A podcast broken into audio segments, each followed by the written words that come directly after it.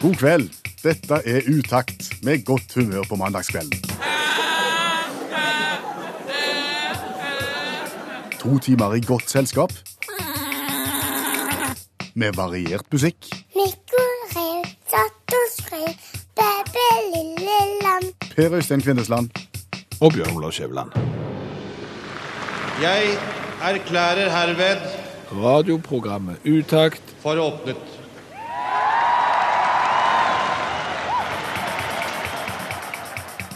Hvor skal vi begynne i dag? Vi skal begynne på fotballbanen. Vi begynner på fotballbanen. Ja, for i morgen så spiller jo Norge en av de viktigste fotballkampene de har spilt på mange, mange år. Ja.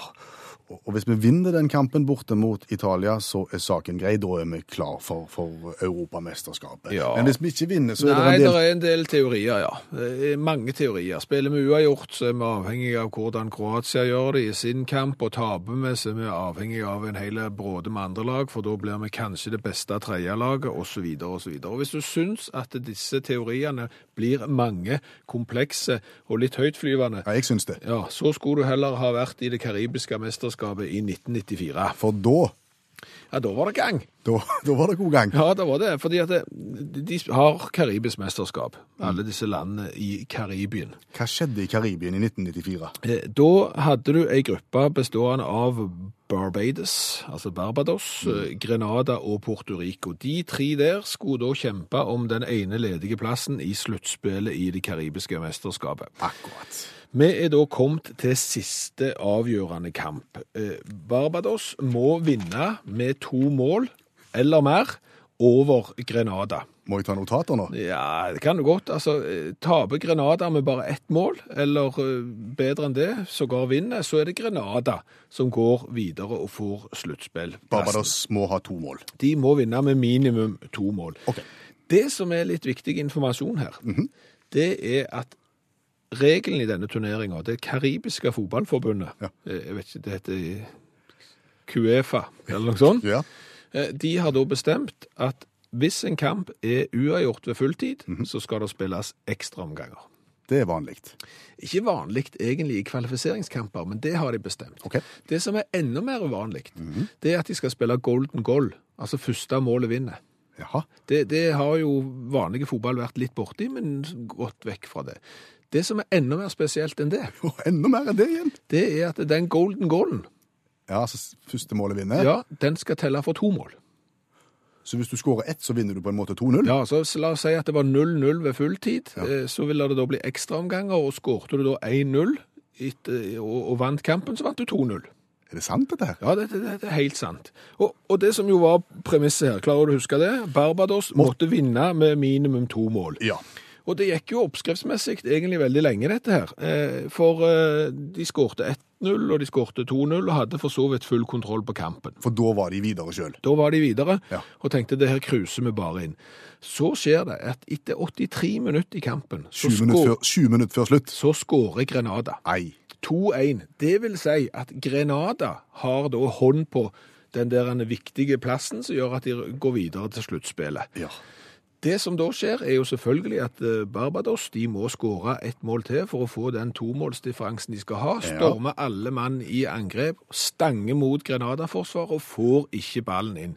De driver på sånn i tre-fire minutter. Hva gjør de da, da? Da ser de på klokka, så ser de det er jo bare tre minutter igjen av kampen her. Vet du hva, jeg tror ikke vi klarer å skåre det der siste avgjørende målet. Men hvis det blir uavgjort, Ja. så får vi jo ekstraomganger. Ja, Og da trenger vi bare skåre ett mål for å få to mål. det er lurt. Fordi at da var det jo sånn at første målet vinner, og det målet talte for to. Ja. Sant? Men de leder jo 2-1. Ja, Men hvordan skal de da det er ikke så vanskelig, ser du. fordi at istedenfor å prøve å angripe motstanderens mål, så angriper de sitt eget. Så forsvareren og keeperen roter det til bevisst og skårer selvmål. Og da er det brått 2-2? Og ligger an til ekstraomganger. Ja. Men kaoset er jo ikke komplett da. Fordi Fordi, fordi at Grenada Ja. de vil jo da få sluttspillplassen hvis de vinner med ett mål, Ja. eller hvis de taper med ett mål. Ja, for da slipper, da slipper de ekstraomganger. Ja. ja. Så, så de De angriper jo da motstanderens mål, For å skåre et. ja, og de angriper sitt eget. For å slippe inn et. Ja. Og det, Og det betyr jo samtidig at eh, Barbados må forsvare sitt eget mål for å ikke slippe inn det, det viktige 3-2-målet. Ja. Og de må òg forsvare motstanderens mål, sånn at de ikke får lov å skåre selvmål. Så, så det er angrep på to fronter, og det er forsvar på to fronter. Det måtte vært ganske spesielt å være ja, pub publikum her. det var helt- Hvem skal- Hvor skal du heie? Litt overalt. Hvordan endte det? Det endte med ekstraomganger. Altså, Barbados klarte å forsvare to mål, Ja. og, og Granada klarte ikke å skåre selvmål eller mål i det andre, og det gikk da til ekstraomganger. Som Som jo da skjer, som det ofte gjør, at det laget du ikke heier på, eller favoritten, klarer det. Så Barbados klarte å vinne 3-2, og dermed vant de 4-2. Ja, for de fikk to poeng for seier i ekstraomgang. Ja, og dermed så vant de med to mål, sånn som de måtte, og, og taktikken deres eh, lykkes, og de gikk videre til sluttspillet i det karibiske mesterskapet. Har de den regelen i Cuefa ennå? Gjett? Nei. Nei. Og mens duoen sto på scenen og sang, så har flere, Øyvind og andre, spurt om det finnes bilder fra den berømte kampen i det karibiske mesterskapet. Det gjør der. Barbados mot Grenada i 1994, der det ene laget angrep på alle fronter, og det andre laget måtte forsvare sitt eget mål og motstanderens. Der finnes eh, film på YouTube. Jeg har lagt ut lenke lenker til den på Utakt eh, sin Facebook-side, så gå inn og se på den. Det er et alle tiders selvmål, et samarbeid mellom keeper og forsvarer der. Jeg må ta opp et tema med deg som jeg vet du har litt greie på. Kom an. Eh, utgangspunktet er en overskrift i Dagbladet i dag. Ville tilstander blant forskere på Sydpolen. Blotting, ølbrygging og fyll på jobb. Er det Sydpolen, eller hvor er kunnskapen min kom inn? Ja, jeg ser den kunne komme litt skjevt ut, men det var ølbrygging jeg tenkte på. Ja, For det vet jeg du har vært litt borti. ja det, det var jo voldsomt overskrift òg, da. Ja, jeg tenker at det må jo by på utfordringer å brygge øl på Sydpolen.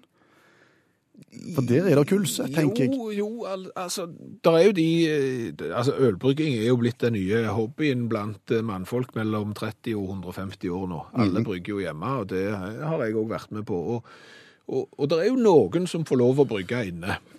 Ja, men ser vi for oss at de får lov til å brygge inne på For, Sydpolen? fordi at det, du, du skal ha ganske bra ventilasjon, fordi at det der er ganske mye damp, du koker en del vann, og det lukter ganske stramt. Sånn at det, med mindre de har lagd en sånn forskningsstasjon på Sydpolen der de har tegnet inn et lite bryggerianneks, så, så tror jo vi at de brygger ute. Ja, for vi tror ikke det er et bryggerianneks. Nei, det, det tror vi ikke. og, og- og når de da brygger ute, så er det både pro og kontra. Skal vi begynne med, med, med ulemper? Altså du kan si, når du brygger øl, så skal du da koke vann, eksempel. Store mengder vann hvis du skal lage store mengder øl. Og, og du kan jo tenke deg at hvis du står ute og det er minus 50 grader, så skal du da koke vann i et så kaldt miljø at det går sent. Det går sent her hjemme, og det går enda senere på Sydpolen. Har de strøm?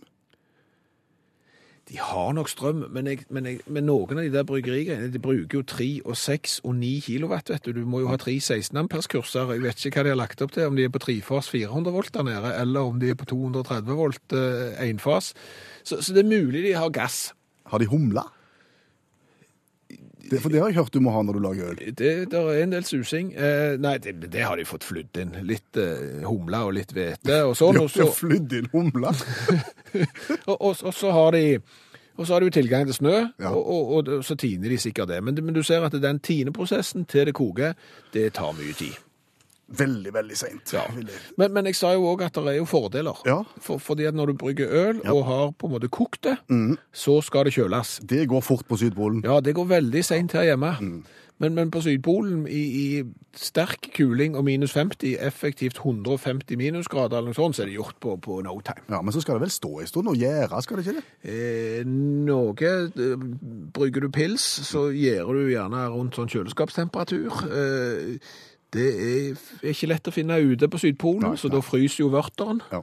Og det vil- er det noe du ikke vil? Nei, og, og da Jæren trives jo sikkert ikke i minus 50, så det er utfordrende. Skal du brygge andre typer øl, så skal jo de ha det enda varmere. Så, så det, det, Men skal du servere greiene, så skal jo den stort sett være avkjølt, og, det, og da har du alle fordeler igjen.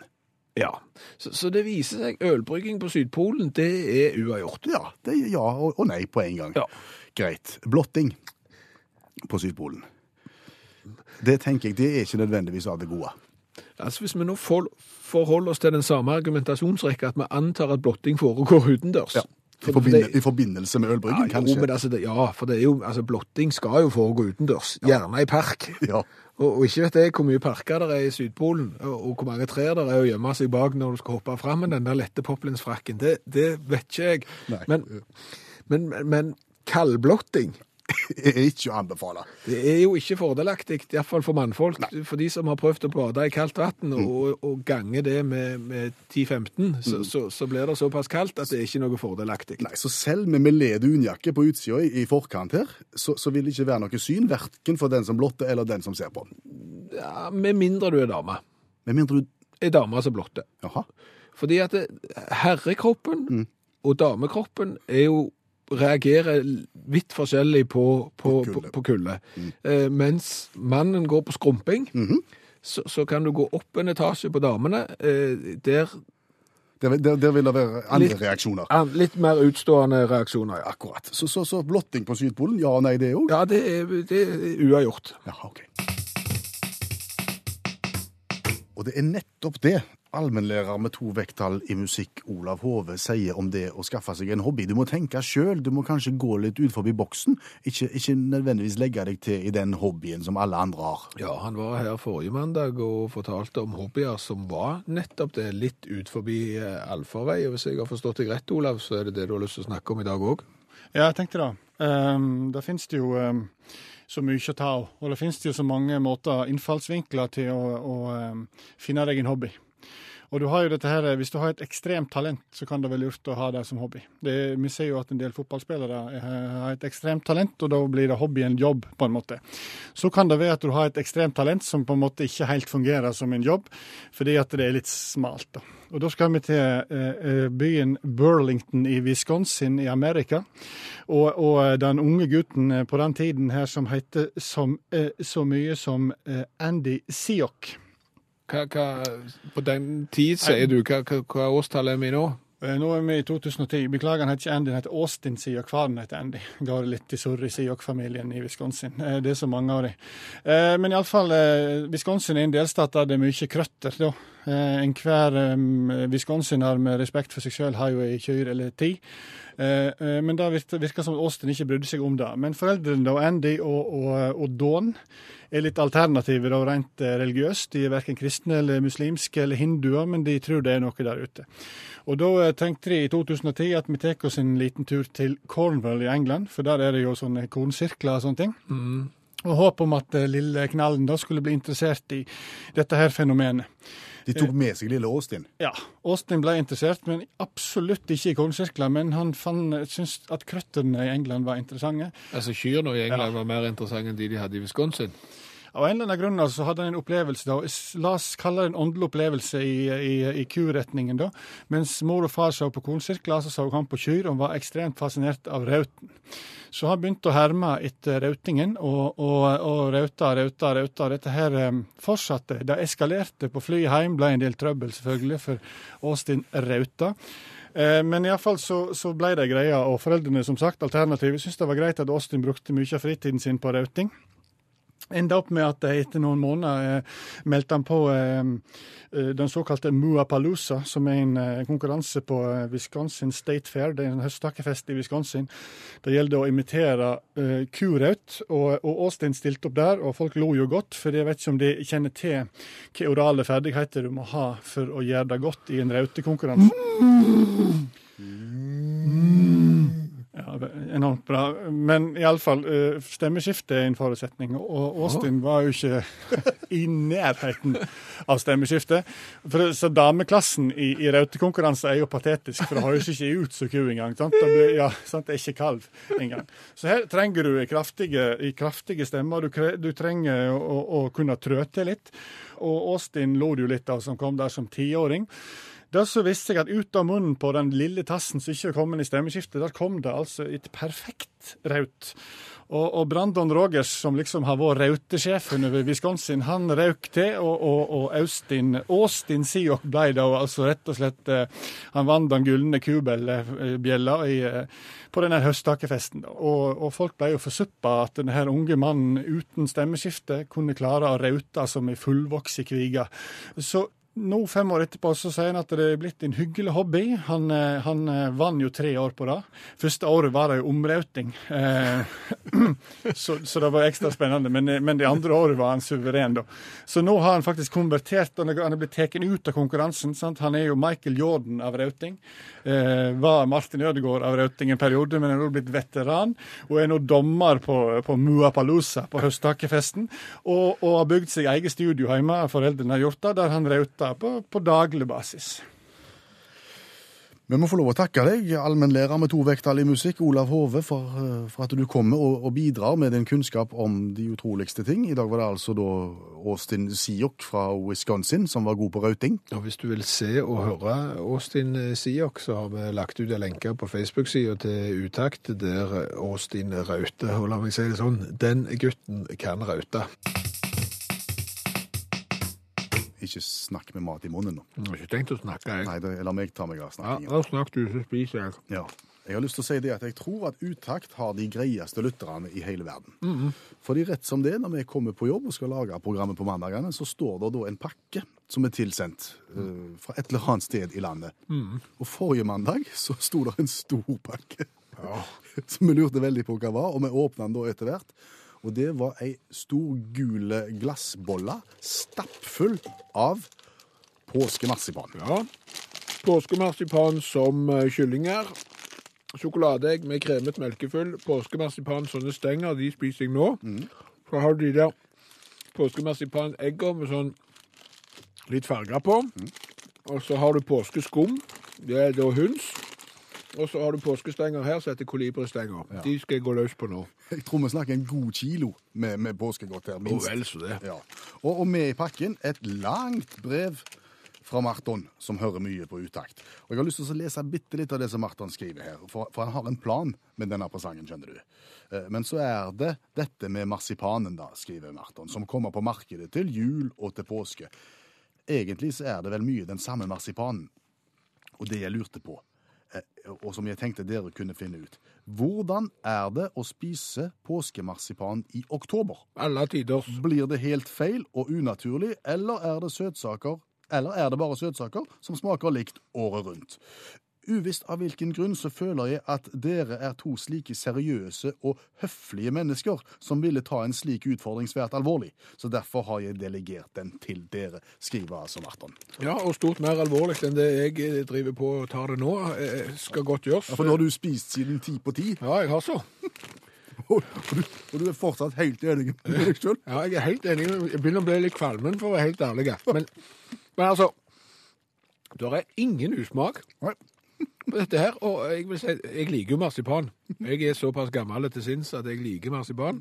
Og jeg syns den marsipanen som er her, i påskemarsipan, er like god som all annen marsipan. Så den gule påskeinnpakningen og sånn, den, du, du, må, du må ikke ha snø og margarin og skitrekk? Jeg ser at det er en del matvarer som har et sånt sesongpreg. Pinnekjøtt til under parasoll ute midt på sommeren er godt, men ikke så godt som inne til jul.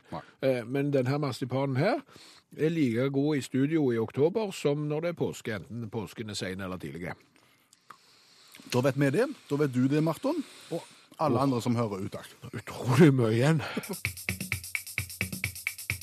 Glenn Medeiros fra Hawaii.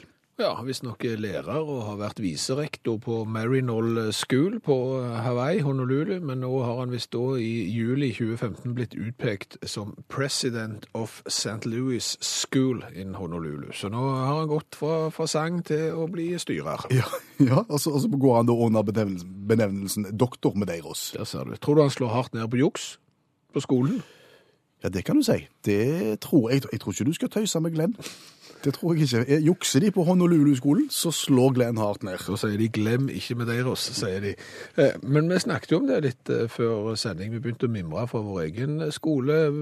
Ungdom. Vi er ikke så gamle at vi gikk på framhaldsskolen, men eh, det ble jo juksa en del. Eh, Vi jukste jo ikke, men de rundt oss jukste jo mye. Det var en del lapp, lappeutveksling under prøver. Det var en del lapper som ble lagt på toalett, og som ble benytta i forbindelse med luftepauser under tentamen osv. Det ble skrevet en del i jakkefor og i lokket på ranselen osv. osv. Selvfølgelig ikke noe vi har gjort sjøl, men vi kjenner til det, at det ble gjort. Ja. Dette satt vi og snakket om. Og så har vi jo da hver eneste mandag besøk av allmennlærer med tovektende musikk, Olav Hove, som jobber i ungdomsskolen. Så vi ble sittende og snakke med han om juksing. Er det juksing også i dag? Ja, det er juksing, vet du. Klart det er juksing ennå. Det er det. Eh, klart Når de leverer digitalt, så er ikke det juksing, men når de skal presentere det oralt, så er det en del juksing. For digitalt da tar vi det på sånn plagieringskontroll, vet du. Og ja, du kan se om ja, ja. teksten allerede er skrevet. Yes, Men når de skal framføre noe, så er det juksing fortsatt. Betyr det at for eksempel, de har fått en, i en oppgave å, å skrive og fortelle om et spesielt emne, Ja. Så henter de inn informasjon på ulovlige steder? Ja, fra internettet ofte, da. Og, og da kan du få eh, situasjoner der folk eh, jukser. Og da gjelder det å ha mekanismer og, og eh, metoder for å avsløre dette her. For av og til så har du mistanke om at, en, eh, om at de kan jukse, når eh, prygelknabbene, som kanskje ikke har prestert så mye på skolen, eh, tøffer seg med kompliserte begrep og uttrykk, eh, så, så kan det av og til være nødvendig å lure på om ikke du har funnet ut dette her eh, en annen plass. Er det mulig å eksemplifisere dette? Ja, vi hadde en, vi hadde en særoppgave om, eh, om Alexander Kielland, som jeg var borti. Dikteren? Ja, eller forfatteren. En av de fire store? Ja, borgermester var han òg. Eh, to karer som kanskje ikke hadde prioritert lesing, eh, noe særlig.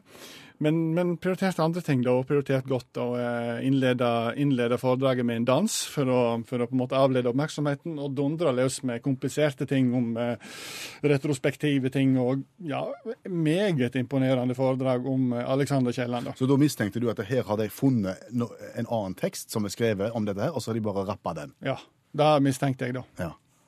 Og, og da er jo trikset da kontrollspørsmål. Mm -hmm. Ja.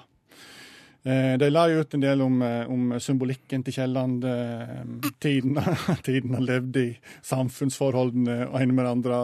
De fortalte om at han hadde stukket kniven i mang en samfunnsmessig virkebull, osv., osv. De hadde, han hadde løfta pekefingeren mot øvrigheten. og ja, Og hvor gamle var de? disse her var 13 år gamle. Og de var ikke, ikke kjent for å bruke denne typen uttrykk. Nei. Knivstikking i verkebuller var på en måte ikke i deres vokabular. Hadde jeg en mistanke om. Nei, Så da kom du inn med kontrollspørsmål. Og hva, hva, et, et eksempel på det kontrollspørsmålet du da stilte? Ja, nei, da stilte jeg eh, Han har skrevet mange kjekke bøker, Kielland. Ja, det hadde han gjort. Og mange viktige bøker, kunne de fortelle. Ja, Hvis de skal trekke fram, hva er favorittboken? stilte jeg spørsmål om da. Ja. Og da tenkte de seg godt om og sa det er vanskelig å velge. De er jo så kjekke alle sammen. Men skal vi kunne velge ei, så må det bli Skipper Verse. De gikk for Skipper Worse. Dette er konkurransen i utakt, der vi ønsker motiverte deltakere. Ja, og Vidar Valkvist han har sendt følgende SMS. Jeg kjører taxi, er sjåfør altså, og har kjørt over 50 mil, og snart holder jeg på å sovne. Så redd meg, er dere greie. Hilsen Vidar. Det må vi jo bare gjøre. Hei, Vidar. Hei, hei. Har du kjørt godt inn til siden nå? Eh, nei, men eh, det kan jeg jo sikkert snart gjøre. Ja, men Du har handsfree, så det går fint. Ja, jeg har handsfree, så det går bra. Flott. Kjørt over 50 mil. Det har vært en lang tur for en taxisjåfør, det.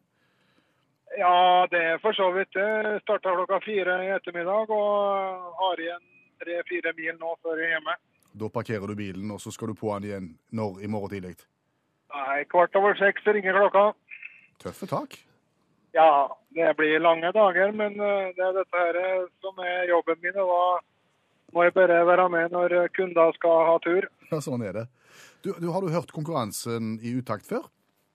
Ja, altså, eh, jeg hadde for så vidt det, men eh, jeg er jo ikke aldeles oppdatert på disse reglene dere da. Nei, de endrer seg jo litt sånn underveis. Så det, det skal de ha. Det, er jo for så vidt ikke så farlig. Men jeg har seks spørrebøker, nummerert én til seks. Og så bare velger du et tall, og så tar vi det derfra.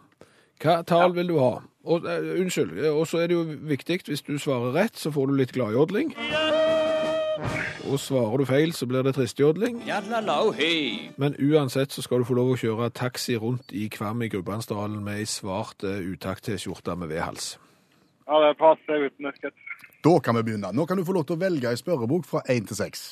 Da tar jeg nummer én. Nummer én, det er feriequiz. 1000 spørsmål og svar for hele familien. Og der er det 208 sider å velge i. Hvilket sidetall vil du ha? Vil ha sidetall 56. Det er der, og da har vi havna på kategorien som er historie. Og der er ti spørsmål å velge i. Hvilket skal vi ta? Nei, vi tar nummer én. Hvilken sum i 1945 tilsvarer 1000 kroner nå? 60, 100 eller 230 kroner? Altså 1000 kroner nå tilsvarer det 60, 120 eller 230 1945 kroner. Jeg tror faktisk jeg kjører på 60. Ja, En burde jo sjekke når denne her eh, spørreboka kom ut, for den norske krona nå er jo så svak at det er det er jo ikke kjekt å reise til London engang. Nei, nå er det ulønnsomt å dra. Ja, det er det. Men, men det, det er en kjempestart, dette, Vidar. Rett på første forsøk. Da går vi raskt videre til spørrebok nummer to, og da velger du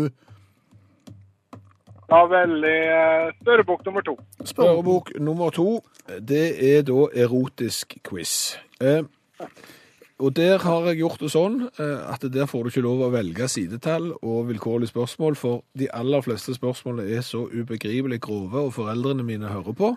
Eh, så derfor så har jeg valgt et som ikke er så vovet. Ja, men det høres bra ut. Ja. En verdenskjent nordmann brukte nakenbilder av seg selv for å få fart på karrieren. Hvem var det? Var det A. Morten Harket, B. Fridtjof Nansen, eller var det C. Edvard Grieg? Som brukte nakenbilder for å få fart på eh, sin karriere. Edvard Grieg Stivi. Jadlalau-hei. Ja, det var feil. Ja. Det var vel Fridtjof med svansen, var det ikke det? Det var det. ja. Ja, Var det Fridtjof med svansen, rett og slett? ja Fridtjof Nansen var det. Det var ikke morgenstemning med Grieg, altså.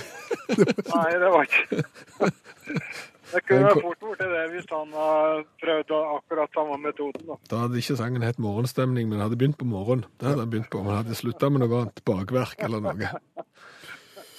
Da var det ei spørrebok igjen, Vidar. Ja, Da tar vi siste boka du har, nummer ti. Nummer ti, da gjør Ja, men du skal få den siste. Og det Er du glad i fotball? Ja, veldig. Ja. Er du glad i Haugesunds fotball? Nei, Det var dumt. det, jeg er ikke det. Nei, for denne her boka Jeg er jeg er glad i treneren, det, for eh, han er frisk pust. Så han eh, kommer til å savne den neste år. Ja, Ja. det er helt sant. Jostein Grine kommer vi til å savne. eh, For den Ja. boka du nå har trukket ut, det er fotballquiz. 707 spørsmål og svar om Haugesundsfotballen. Den er lei. Med VM-quiz som bonus, da. Sånn at jeg kan si at hvis du holder deg til et litt høyt sidetall, så er det mulig du kan unngå Haugesund-spørsmålene. Der er 120 sider. Da kjører vi på side 115. 115. Ble det Haugesund, eller ble det VM? Det ble VM. Yes, der er det ti spørsmål. Spørsmål nummer fem. Nummer fem. I semifinalen Nei, det er oppfølgerspørsmål til nummer fire, det. Ja, Ja, men da, da tar vi nummer fire. Ja greit. Sør-Korea gikk sensasjonelt helt til semifinalen i 2002-VM etter å ha eliminert to store nasjoner i åttendedels og kvartfinalen. Hvilke to lag ble eliminert? Kjære vene. Ja, Den er ikke enkel, Vidar. Nei, Jeg finner ikke Nei, jeg mener Altså. ikke det, men, eh, men det er klart at eh, det var Vi har jo sett eh, Jeg fulgte jo med på alle VM-er, men jeg husker jo ikke det egentlig. Nei. Men eh, nei, jeg satser på eh, Vi satser på Nederland og Spania. Oi. Ja, det, det var ikke galt, altså. For Spania var rett. Mm. Nederland var det ikke. Det var Italia og Spania.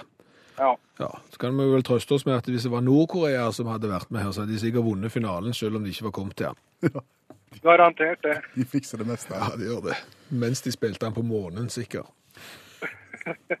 Da, Vidar Valkvist, da har vi gjort jobben vår, tror jeg. For at da har vi holdt deg våken i noen minutter. Så tror jeg du har blitt så oppglødd av dette her at nå kan du klare å, å kjøre hjem, kan du ikke? Ja, det er bare ti kilometer igjen, og så er jeg hjemme. Å. Så bra. Så får du ha lykke til når du skal stå opp kvart over seks i morgen. Takk for det. Takk for at du var med oss. Så vi må si tusen, tusen takk til alle som eh, sender oss cola fra hele verden. Ja, og i dag må vi takke Thomas Dyrholm fra Tynset, eh, som har sendt oss en dansk Hancock-cola. Og det er nemlig disse leveransene fra dere som hører på, som gjør at Utakt sin coladugnad, sin colatestedugnad, kan rulle videre fra mandag til mandag. Ja, og så er det gjerne noen som vil stille det kritiske spørsmålet hvorfor i all verden skal et radioprogram drive og drikke cola fra det store utland? Jo, det skal vi fortelle deg, fordi det er tøft. Det er tøft.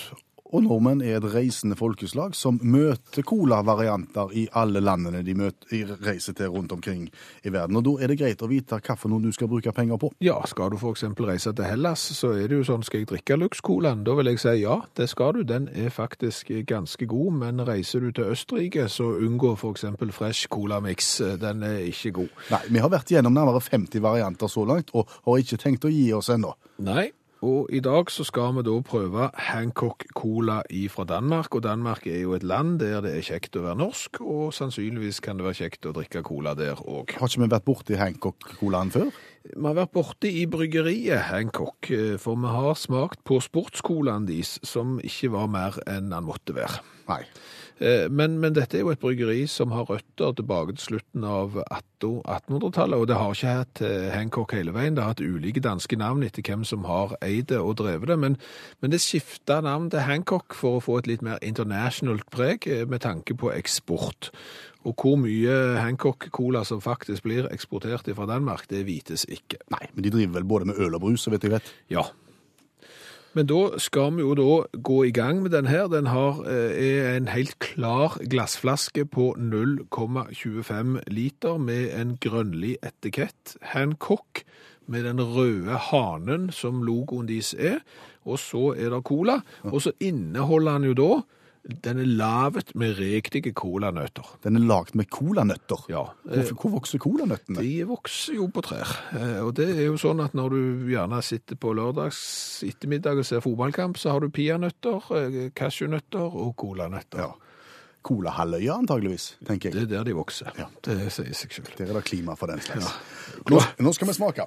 Og da har vi to kategorier her. Vi, vi gir poeng fra 1 til 10 for smak, og vi gir karakter fra 1 til 10 for design, utseende, kulhetsfaktor. Vil du bli sett i en bar eh, i Aalborg med en Hancock laget av riktige colanøtter i hånda? Vær så god. Takk, vi begynner med smaken. Begynner å lukte for ofte, så Det lukter ikke verst. lukter mye mindre tyggegummi enn mye av det andre. Men han smakte tyggegummi. Skal det være nødvendig med den tutti frutti-smaken? Det er ikke den verste tutti frutti-smaken vi har vært borti. Det var mye mindre tivoli dette enn eh, En fresh colamiksen fra Østerrike. Ja, Det er for mye tutti frutti. Det er, for mye, der er, der er en stenk av cherry òg, ser du. Av, av- av kirsebær her, syns jeg. Ja, jeg, jeg eh, Fire i smak. Fire til deg, da noterer vi det der. Jeg, Jeg eh, går ikke høyere enn tre her. Da har vi sju totalt på smak. Yes, Og så er det hvor tøft er det. Ja, La oss få se på flaska, og la oss beskrive flaska en gang til. Det er glassflaska. Ja. Den, er 0, den er ikke 0,33 engang, den er mindre. Ja, den er 0,25 den er litt som du fikk i barneselskap, men da var det jo sånn at når vi var i barneselskap når vi var små, så var 0,25 med brus. Det var nok til at vi fikk sukkersjokk og ropte på fryseboksen til f.eks. For foreldrene til de som hadde bursdagsselskap. Ja, Men det er glassflaska, dette her. Og en relativt uh, tøff retroaktig etikett. Ja, eh, gull på baksida grønn på forsida, med palmer og sus og det som skal til. Så, jeg vil si at det, det er ikke sikkert det er så tøft i Danmark, men, men hos oss så er det ganske tøft. Ja, og de har ikke på noen måte forsøkt å kopiere Cola originalt, og det skal de ha poeng for. Terningkast sju. Terningkast sju gir du. Jeg syns jo at alle Nå har jeg lest for mange spørsmål for den erotiske eh, quizboka, men alle som har etiketter med navnet kokk på, fortjener åtte, Akkurat. syns jeg. Så da har vi 15 da, totalt. 15 pluss 7 blir 22. Og da er han, øh, han er over midten. Han er helt oppe mellom Hoop-colaen fra Polen og den eh, amerikanske RC-colaen. Og han knuser sin egen bror, Hancock Sportscolaen. Ja, den var ikke god. Den Nei. fikk bare 15. Følg med på, på eh, Facebook-sida til Utakt. Der vil du kunne se en oppdatert oversikt over alt vi har vært igjennom, og se bilder fra colaveggen vår som begynner å bli ganske omfangsrike. Som hver eneste mandag har besøk av allmennlærer med to vekttall i musikk, Olav Hove. Han gjestet oss for en times tid siden. Vi snakket om hobbyer. Han var vel innom eh, en ungtase som var fryktelig god til å raute, og gjorde hobbyen sin til levebrød. Ja, eh, Olav, vi var jo innom de som valgte hobby ut ifra et ekstremt talent for noe. Men nå, eh, nå dreier det seg om dette her med litt sånn innfallsmetoden. At du plutselig dukker opp i en hobby rett framfor seg, og det dreier seg om å ha et åpent sinn. Kanskje vi skal kalle det åpensinnsskolen. Og vi skal til, til Leicester i England i 1997 og, og, og Phil Sharp. Eh, fjellklatrer og, og, og damp- og strykansvarlig på Lester Knitwear Factory. Eh, en tung jobb, det der greiene der. Det er jo ikke lett å, å, å stryke ulltøy. Men han hadde den jobben da. Eh, mye damp, og kom hjem igjen fra jobb og var trøtt og sliten og tenkte nå må jeg finne meg en fjellvegg så jeg kan klatre litt i. Eh, her i 97, og da sto kona der og sa du som har ansvar for damp og stryk på jobben, du får jammen ta ansvar for damp og stryk her i huset òg. Og så presenterte hun han for en 10-15 av arbeidsskjortene sine som han var vant med at hun strøk.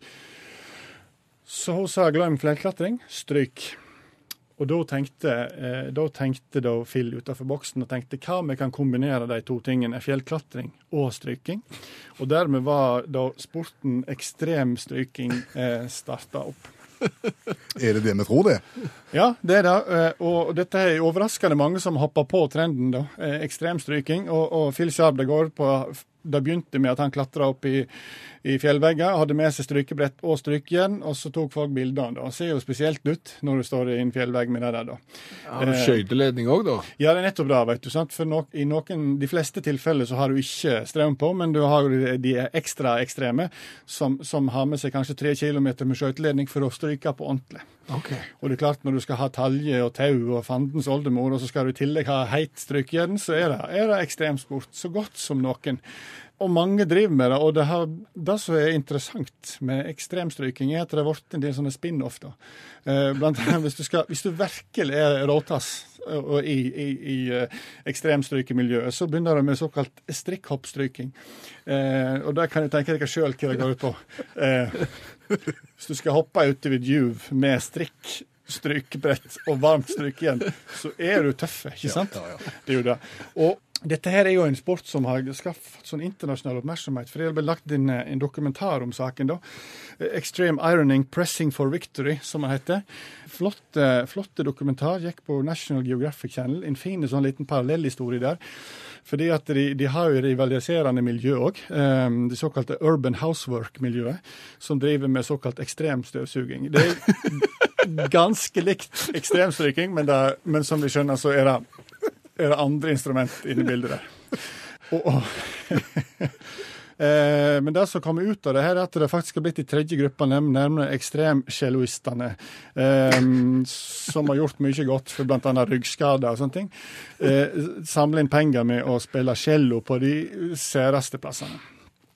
Ekstremradio, har det vært lagd? Nei.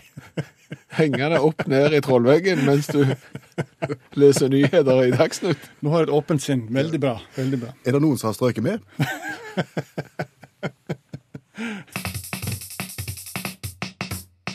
Strip No More sang Lucas Graham. Ja, og Strip No More er vel den vanskelige oppfølgersingelen til Blått en dag. Au. La oss ta noe skikkelig morsomt. Utakt leser høyt fra boka 'Norges morsomste vitser'. De beste vitsene fra NM i humor. Rare folk. En bonde var i byen og fikk plutselig behov for et toalett. Han så seg rundt og oppdaget et skilt der det sto 'Pizza kroner 30'. Hm, disse byfolkene er rare, sa bonden. Stave kan de ikke, men å ta seg betalt, det kan de.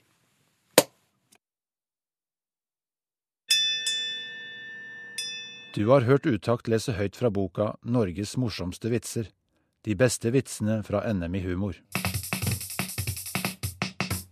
Hør flere podkaster på nrk.no podkast. NRK P3